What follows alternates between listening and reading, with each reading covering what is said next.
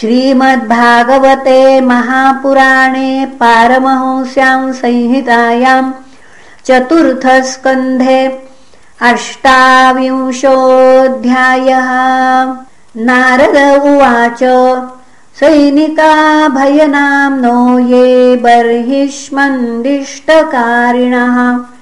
प्रज्वालकालकन्याभ्यां विचेरुरवनीमिमाम् त एकदा तुरभसा पुरञ्जनपुरीं नृपम् रुरुधुर्भौमभोगाढ्यां जरत्पन्नगपालिताम् कालकन्यापि बुभुजे पुरञ्जनपुरं बलात्। ययाभिभूतः पुरुष सद्यो निस्सारतामियात् तयोपभुज्यमानां वै यवनाः सर्वतो दिशम्। द्वार्भिः प्रविश्य सुभृशं प्रार्दयन् सकलां पुरीं तस्यां प्रपीड्यमानायामभिमानी पुरञ्जनः। अवापोरुविधांस्तापान् कुटुम्बी ममताकुलः कन्योपगूढो नष्टश्रीः कृपणो विषयात्मकः। नष्टप्रज्ञो हृतैश्वर्यो गन्धर्वयवनैर्बलात्। विशीर्णां स्वपुरीं वीक्ष प्रतिकूलाननादृतान् पुत्रान् पौत्रानुगामात्याञ्जायाञ्च गतसौहृदाम् आत्मानं कन्ययाग्रस्तं पञ्चालानरिदूषितान् दुरन्तचिन्तामापन्नो न लेभे तत्प्रतिक्रियाम् कामानभिलषन्दीनो यातयामांश्च कन्यया विगतात्मगतिस्नेह पुत्रदारांश्च लालयन् गन्धर्वयवनाक्रान्तां कालकन्योपमर्दिताम् हातुं प्रचक्रमे राजा तां पुरीमनिकामतः भयनाम्नोऽग्रजो भ्राता प्रज्वारः प्रत्युपस्थितः। ददाहतां पुरीं कृत्स्नां भ्रातुः प्रियचिकीर्षयाम् तस्यां सन्दैह्यमानायां सपौरः सपरिच्छदः कौटुम्बिकः कुटुम्बीन्याम् उपातप्यतसान्वयः। यवनोपरुद्धायतनो ग्रस्तायां कालकन्यया। पुर्यां प्रज्वालसंसृष्टः पुरपालोऽन्वतप्यत न शेके सोवितुं तत्र। पुरुकृच्छोरुवेपथुः गन्तुमैच्छत्ततो वृक्ष। कोटरादिवसानलात्। शिथिलावयवो यर्हि। गन्धर्वैर्हृतपौरुषः यवनैररिभिराजन्नुपरुद्धो रुरोदः दुहितृः पुत्रपौत्रांश्च जामिता जामातृपार्षदान्। पुनः जामि जामातृपार्षदान्। स्वत्वावविष्ठं यत्किञ्चिद् गृहकोशपरिच्छदम्। अहं ममेति स्वीकृत्य गृहेषु कुमतिर्गृहि दध्यौ प्रमदयादीनो विप्रयोग उपस्थिते। लोकान्तरं गतवती मय्यनाथा कुटुम्बिनी वर्तियश् पुनः वर्तिष्यते कथं त्वेषा बालकाननुशोचति। न मय्यनाशिते भुङ्क्ते नास्नाते स्नाति मत्परा मयिरुष्टे सुसन्त्रस्ता भर्सिते यत वाग्भयात्।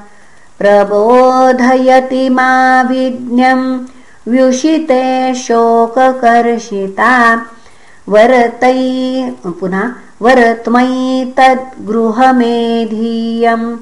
वीरसूरपि नेष्यति। कथं नु दारकादीना? दारकीर्वापरायणाः। वर्तिष्यन्ते मयि गते भिन्ननाव इवो दधौ एवं कृपणया बुद्ध्या शोचन्तमतदर्हणम् ग्रहीतुं कृतधीरेणं भयनामाभ्यपद्यत पशुवैद्यवनैरेष नीयमानस्वकं क्षयम् अन्वद्रवन्ननुपथा शोचन्तो भृशमातुराः। पुरीं विहायोपगतम् उपरुद्धो भुजङ्गमः। यदा तमेवानुपुरीं विशीर्णा प्रकृतिं गताम्। विकृष्यमाणः प्रसभं यवनेन बलीयसा नाविन्दत्तमसाविष्ट सखायं सुहृदं पुरः। तं यज्ञपशवोनेन संज्ञप्ता ये दयालुना। कुठारैश्चिच्छिदुः क्रुद्धा। स्मरन्तोमीवमस्य तत् अनन्तपारे तमसि मग्नो नष्टस्मृतिः समाः शाश्वतीरनुभूयार्तिम् प्रमदासङ्गदूषितः। तामेव मनसा गृह्णन् बभूव प्रमदोत्तमा। अनन्तरं विदर्भस्य राजसिंहस्य वेश्मनि। उपये मे वीर्यपणां मलयध्वजः। युधि निर्जित्य राजन्यान् पाण्ड्यः परपुरञ्जयः। तस्यां स जनयाञ्चक्रो आत्मजामसिते क्षणाम् यवीयसः सप्तसुतान् सप्तद्रविडभूभृतः। एकैकस्या भवत्तेषाम् राजन्नर्बुदमर्बुदम् भोक्षते यद्वंशधरैर्मही मनवन्तरं परम्। अगस्त्यः प्राग्दुहितरमुपयेमे धृतव्रताम्। यस्यां दृढच्युतो जात। इधमवाहात्मजो मुनिः। विभज्यतनयेभ्यः क्षमाम् राजर्षिमरयध्वजः। आदिराधयिषुः कृष्णम्। स जगामकुलाचलम् हित्वा गृहान् सुतान् भोगान् वैदर्भीमदिरेक्षणा अन्वधावत पाण्डेशम् ज्योत्स्ने वरजनीकरम् तत्र चन्द्रवसा नाम ताम्रपर्णीवटोदका तत्पुण्यसलिलैर्नित्यो मुभयत्रात्मनो मृजन् कन्दाष्टिभिर्मूलफलैः पुष्पपर्णैस्तृणोदकैः वर्तमानः शनैर्गात्र कर्शनं तप आस्थितः शीतोष्णवातवर्षाणि क्षुत्पिपासे प्रिया प्रिये सुखदुःखे इति द्वन्द्वान्यजत् यत् समदर्शनः। तपसा विद्यया पक्वकषायो नियमैर्यमैः। युयुजे ब्रह्मण्यात्मानं विजिताक्षानिलाशयः। आस्ते स्थाणुरिवैकत्र दिव्यं वर्षशतं स्थिरः। वासुदेवे भगवति नान्यद्वेदोद्वहन् रतिं सव्यापकतयात्मानं व्यतिरिक्ततयात्मनि।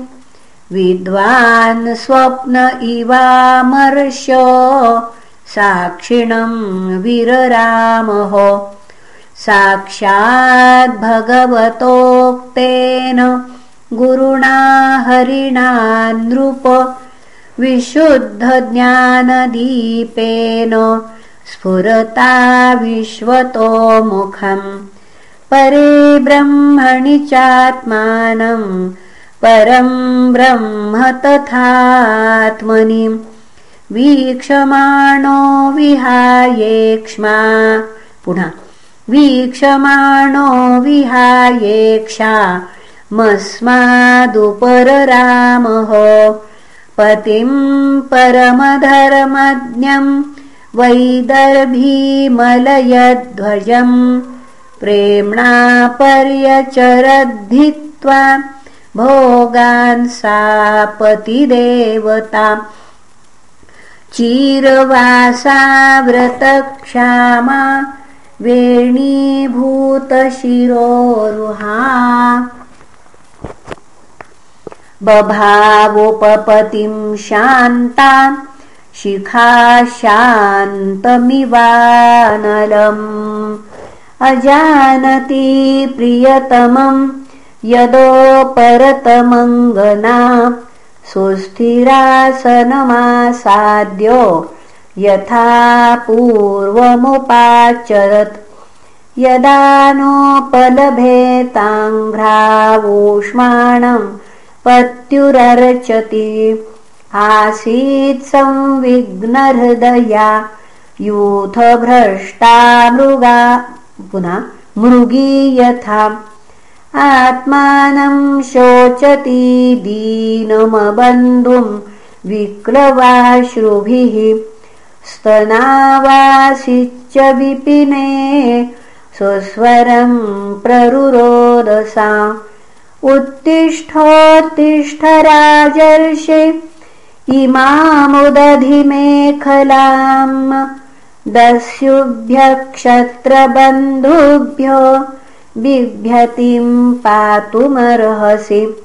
एवं विलपति बाला विपिनेऽनुगता पतिं पतिता पादयोर्भर्तु रुदन्त्यश्रूण्यवर्तयत् चितिं दारुमयीं चित्वा तस्यां पत्युः कलेवरम् आदीप्य चानुमरणे विलपन्ती मनोदधे तत्र पूर्वतरः कश्चित् सखा ब्राह्मण आत्मवान्।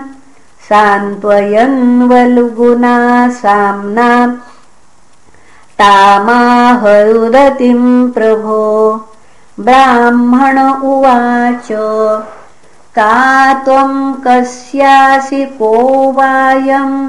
शयानो यस्य शोचसि जानासि किं सखायं मां येनाग्रे विचचर्थः अपि स्मरसि चात्मानमविज्ञातसखं सखे।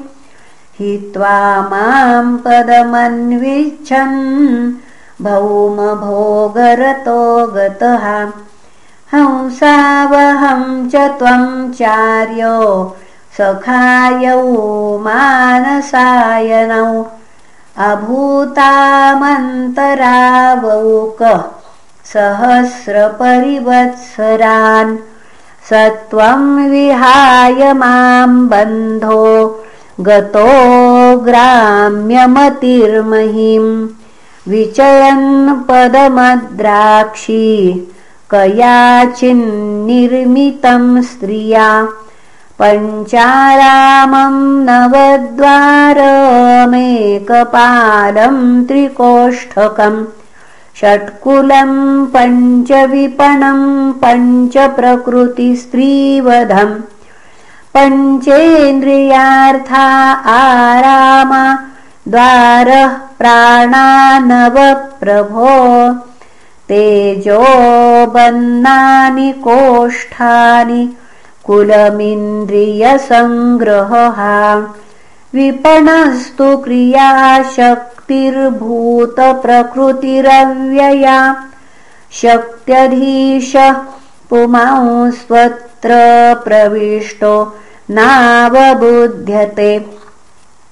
तस्मिंस्त्वं रामया पृष्ठो रममाणो श्रुतस्मृतिः तत्सङ्गादिदृशिं प्राप्तो दशां पापीयसीं प्रभो न त्वं विदर्भदुहितानायं वीरसुरुत्तव न पतिस्त्वं पुरञ्जन्यारुद्धो नवमुखे यया। माया मया सृष्टा यत्पुमांसं श्रियं सतीं। मन्यसेनो भयं यद्वै। हंसौ पश्यावयोर्गतिम्। अहं भवान्न चान्यस्त्वं। त्वमेवाहं विचक्ष्वभोः।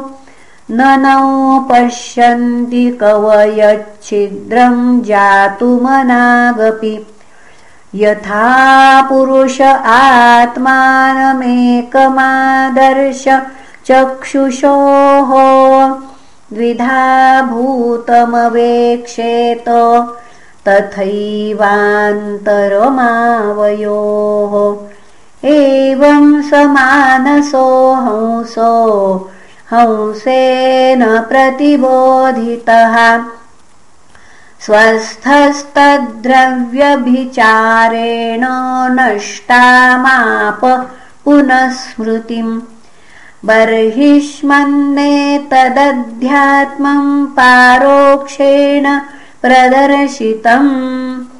यत्परोक्षप्रियो देवो भगवान् विश्वभावनः।